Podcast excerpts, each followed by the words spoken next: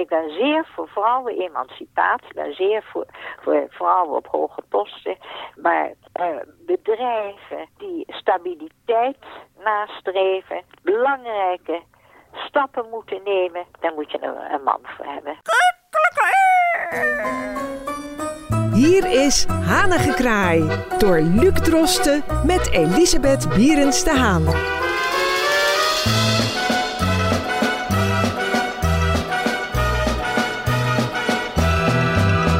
Welkom luisteraars, dit is Hanengekraai. Ik ben Luc Drosten, dat zeg ik uh, in alle eerlijkheid. En aan de telefoon zit Elisabeth Bierens de Haan. Beschouwt u zichzelf als een eerlijk persoon? Kijk eens, er is een mooi gezegde, naar eer en geweten. Ik wil zoveel mogelijk eerlijk naar buiten treden, omdat ik voel en weet dat dat verwacht wordt van je karma. Dus als ik sterf, dan geloof ik in het terugkomen, reïncarnatie, daar geloof ik in. En uh, ik geloof ook dat er gekeken wordt van bovenaf, hoe is het allemaal gegaan? Heb jij een paar keer gejocht? Wat is daar gebeurd? Hé, hey, ik zie dat je na de oorlog, toen was je negen jaar, toen heb je in de PC Hoofdstraat een rubberen bal heb je weggepakt, omdat je in de oorlog geen ballen had.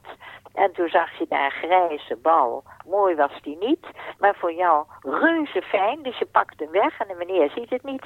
En je komt thuis met die bal en je moeder zegt, wat is dat?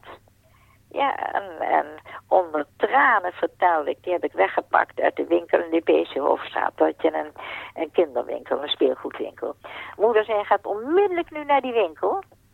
En je zegt tegen de meneer, meneer, ik heb die bal gestolen. En ik wil dat nooit meer hebben. Nou, en dan ging ik weer helemaal van de Euterpenstraat, die heette nog de Euterpenstraat, Gerrit van de Veenstraat, liep ik naar die speelgoedwinkel. Ik zeg, meneer, ik heb de bal gestolen. Kindje, weet je, ik vind jou zo eerlijk. Ik vind reuze. Ik vind je vlechten ook zo mooi. Mooie vlechten. Je mag die bal houden, die geef ik aan jou. Ga je maar lekker naar je moeder en zeg dat ik jou die bal heb gegeven. Ik kwam thuis, ik vertelde het verhaal, moeder begon te lachen. En dat is zo leuk dat daar de correctie begint. En dat was een uitstekende opvoeding. Je kan beter dingen eerlijk vertellen. Eerlijkheid. Uh, gelooft u ook in leugentjes om bestwil in bijvoorbeeld de politiek, waar eerlijkheid momenteel heel erg uh, ja, ja onderwerp van gesprek als is? vertelt, ik kom geregeld in Rusland en ik heb uh, erg leuke gesprekken met Poetin gehad en er durft geen barst van. Dan zeg ik, hup, uit de politiek, weg ermee, je bent ja. een leugenaar. Dat kan niet. Nee. Dus dan zou eigenlijk uh, wat dat betreft momenteel het, het, het, huidige kabinet wat u betreft ook alweer kunnen vallen met allemaal uh, informatie die nee, wordt achtergehouden. Even, dat de hele gedoe met um, Pieter Omzicht. En ik ben dol op hem. Hij heeft wel een klap gehad. Ik vind wel dat hij geestelijk toch veel heeft moeten doormaken zelf. Maar ja, kijk eens, het is nooit opgelost waar iemand dat woord elders heeft geschreven. Dat is verzwegen, er is gelogen, er is, is gezwegen.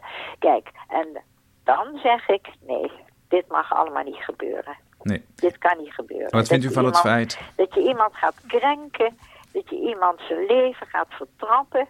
En dat je uh, dit doet en dan wordt omheen gelogen. Dus net met die, met die bonnetjesaffaire. En het is net hetzelfde als met die uitkeringen, die toeslagen.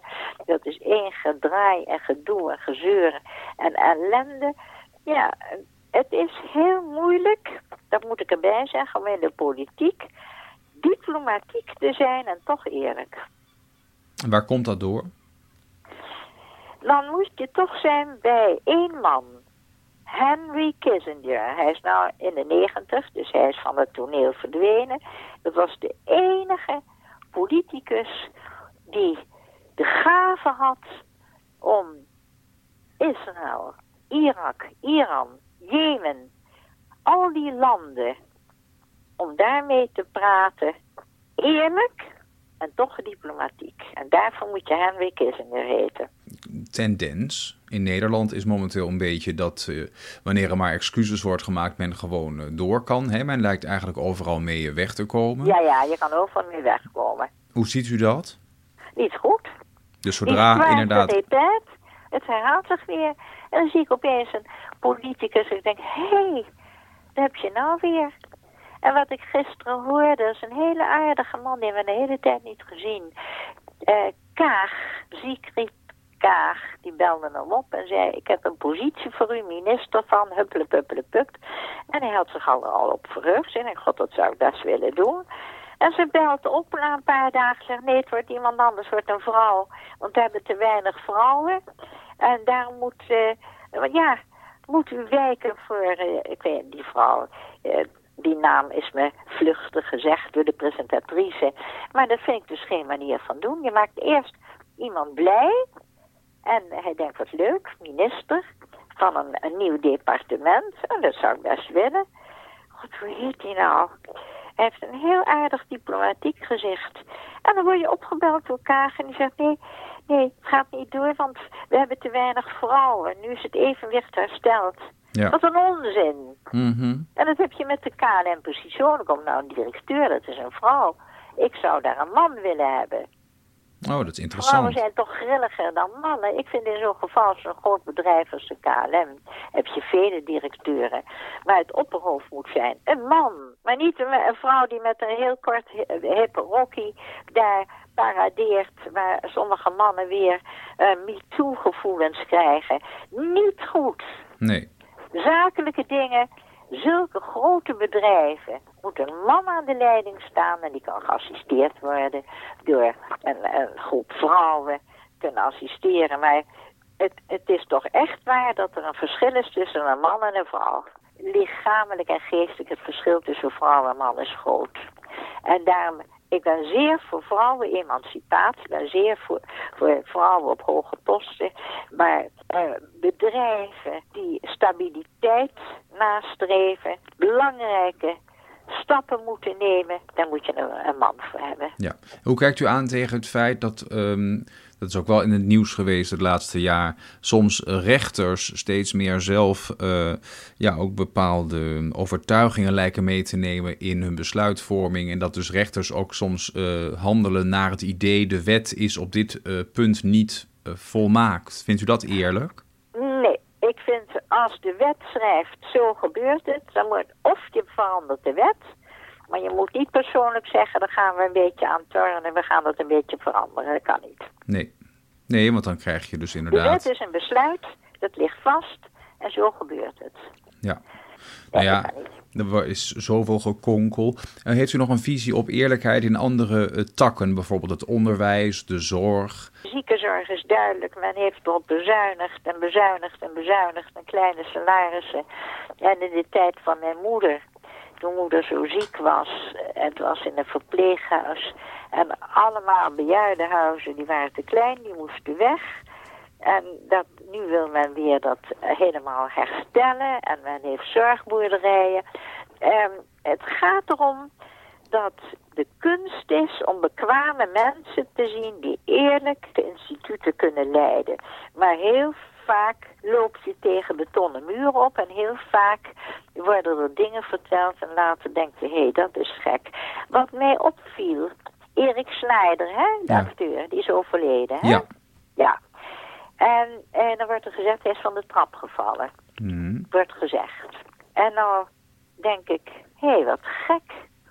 Die zuster van Van Rossum, Sis, alleraardigst iemand. Een vreselijk leuk programma. Ja, Sis is van de trap gevallen. En dan denk ik, vallen ze allemaal van de trap?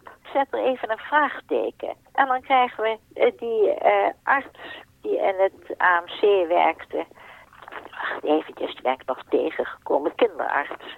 Was ook van de trap gevallen. Vallen ze allemaal van de trap? Is dat een nieuw iets om er maar van af te wezen? Om te zeggen van een lang ziekbed ze had, liep al niet zo goed en is in huis een klein ongelukje gebeurd. Nee, het is een statement.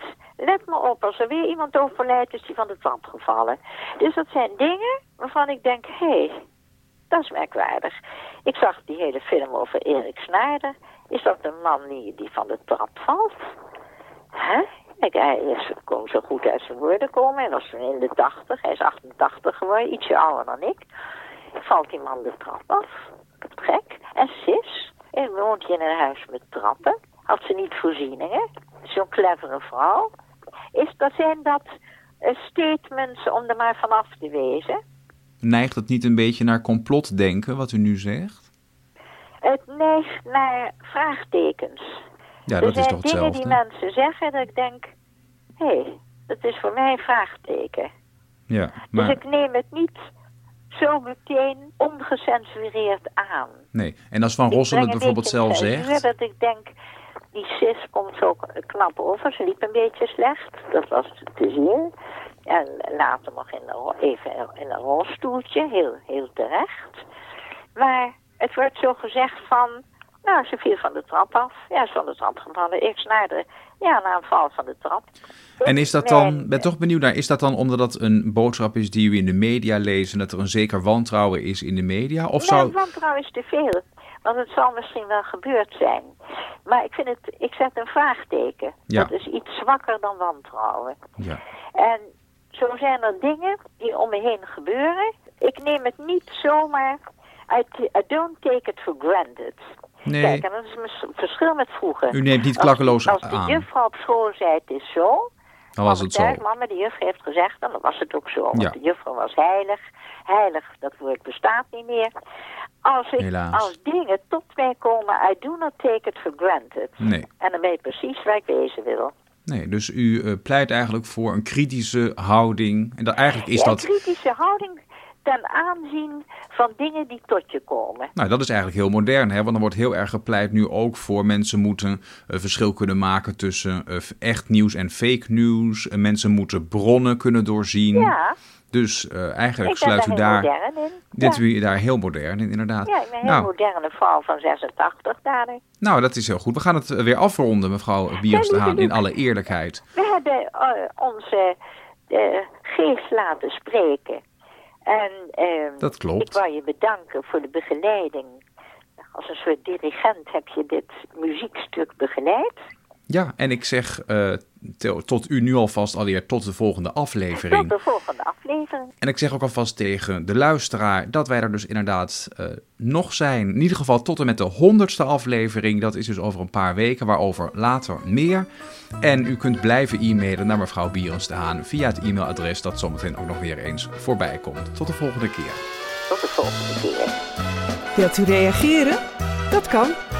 U kunt direct contact opnemen met mevrouw Berends de Haan via haar eigen mailadres elisabethberensdehaan.ziggo.nl